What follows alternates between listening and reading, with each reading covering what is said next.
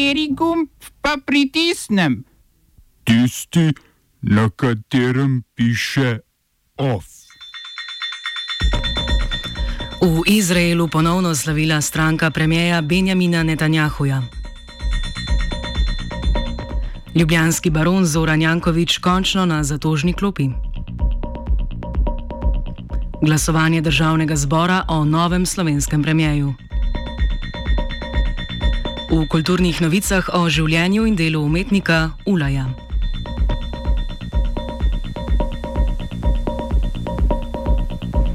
Pozdravljeni.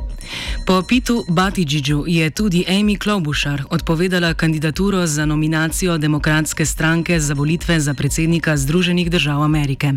Senatorka iz Minnesote je skupaj z Batidžičem in še enim nekdanjim kandidatom Betom O'Rourkom pričakovano podprla kandidaturo nekdanjega podpredsednika ZDA Josefa Bidna.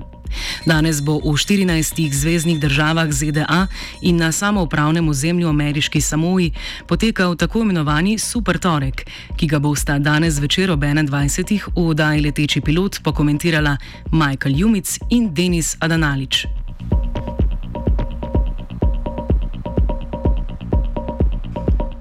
Med kandidati in kandidatkami poleg Bidna ostajajo še samo oklicani demokratsko-socialistični senator iz Vermonta Bernie Sanders, senatorka Elizabeth Warren iz Massachusettsa in kongresnica z Havajev Tulsi Gebert. Prvič se bo na glasovnicah znašel tudi nekdani župan New Yorka Michael Bloomberg, ki v vodnih štirih državah ni nastopil. Med kandidate se bo razdelilo 1350 delegatskih glasov iz 14 zvezdnih držav. Za demokratske kandidate bodo najpomembnejši izidi v Kaliforniji, ki ji pripada 415 delegatov, in v Teksasu, ki jih ima 228.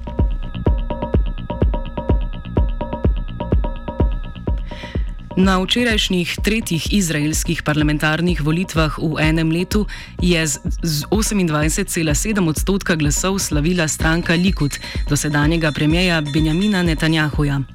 V 120-članskem parlamentu bo zasedla 36 sedežev, tesno na drugem mestu pa ji s 23,3 odstotka glasov sledi modra in bela stranka nekdanjega vojaškega generala Benija Ganca, ki bo zasedla 32 sedežev.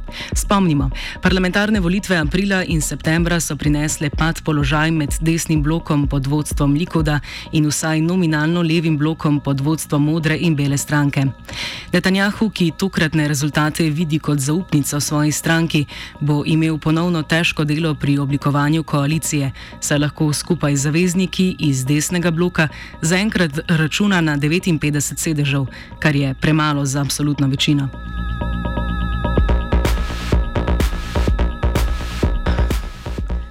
Ruski predsednik Vladimir Putin je pred drugim branjem predlaganih ustavnih sprememb v parlament poslal nov svežen, dopolnjen na kar 24 straneh. Med drugim dopolnila predvidevajo zakon kot zvezo med moškim in žensko. V prenovljeni ustavi bo prepovedano poudarjati rusko ozemlje ali spodbujanje k temu. Takšno dopolnilo bo med drugim zagotovilo, da bo Rusija obdržala leta 2014 priključeni polotok Krim in Korilske otoke, zaradi katerih je v sporu z Japonsko. Predlagana prenova ustave je prva od leta 1993, v celoti pa jo podpira spodnji dom ruskega parlamenta.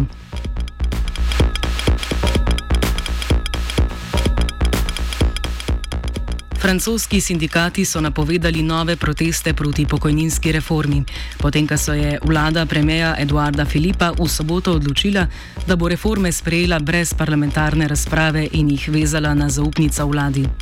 Pravni instrument, ki premijeju omogoča to vrstno sprejetje, je 49. člen francoske ustave, ki izhaja iz časa Pete republike Šarla de Gaulle.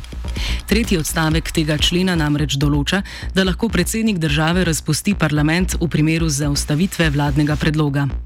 Predlog pokojninskega zakona sicer predvideva poenotenje 42 pokojninskih schem. Leva in desna opozicija sta pred razpravo na osnutek zakona vložili več kot 40 tisoč amadmajev, hkrati pa še vsaka svojo nezaupnico. Glasovanje o njih je po popodanski razpravi predvideno danes večer.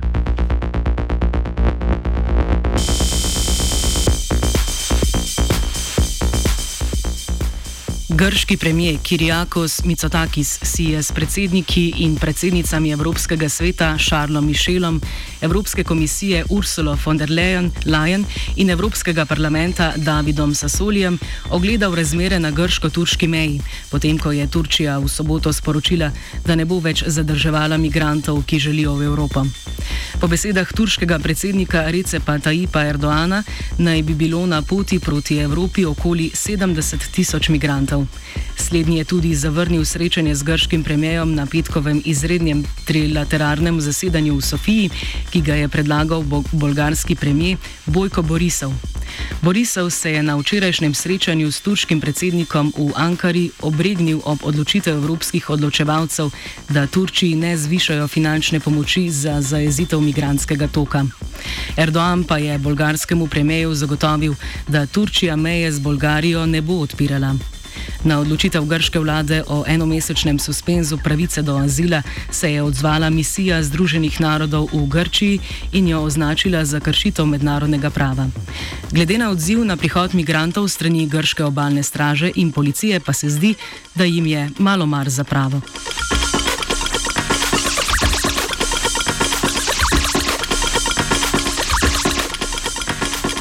Svetovni popotnik in zunani minister Srbije Ivica Dačić je z uradnega obiska v Sierra Leone sporočil novico, da je pri svojih gostiteljih dosegel umik priznanja Kosova kot neodvisne države. Zahodnoafriška država si je tako po 12 letih premislila in se pridružila bloku držav, ki Kosovo obravnavajo kot južno-srpsko pokrajino. Po Dačičevi računici je sedaj takšnih držav 96, s čimer se je tehnica v Združenih narodih nagnila na srpsko stran, saj tako 12 let po razglasitvi neodvisnosti več držav ne priznava, kot priznava Kosovo. Oba, če, če bom odgovoril na angliški. Slovenija bo poskušala pomagati. Slovenija bo naredila naš utmost, da bo rekla, da je situacija naš problem, naše. In bomo naredili nadaljnje korake, as soon as the conditions are. Bomo vlado Marjana Cererera Šarca podprli. Very, very serious. News from Slovenia. We know how and we will. Ljubljanski baron Zoran Jankovič je na Ljubljanskem okrožnem sodišču na današnjem predobravnavanem naroku skupaj s šesterico so obtoženih zanikal krivdo za očitana kazniva dejanja v zadevi Stožice. Specializirano državno toživstvo za gospodarski kriminal jim očita oškodovanje evropskih sredstev in preslepitev bank pri pridobivanju posojil za gradnjo športno-trgovskega centra Stožice. Poleg Jankoviča so se na zatožni klopi znašli še nekdani direktor za zavoda Tivoli, Romanjakič, Uroš Ogrin in Zlatko Sraka iz propadlega projektnega podjetja Greb, ki je gradilo snožice, in nekdani direktor javnega podjetja Ljubljanska parkirišča in tržnice Samo Lozej. Krivdo sta zanikala tudi nekdani gradbeni nadzornik pri družbi DCC Svetovanje in Inženiring Borut Skubic ter Milan Črepinšek iz družbe MCM Inženiring, ki je izvajala gradbeni nadzor. Tožilstvo sicer preganja še Marka Kolenca iz občinskega oddelka za šport in direktorja projekta gradnje športnega parka Stožice Andreja Leuriča.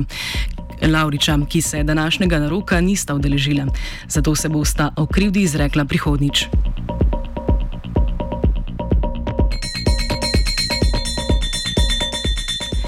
Državni zbor je danes opolne začel razpravo o kandidat kandidatu za novega premijeja vlade Janezu Janši.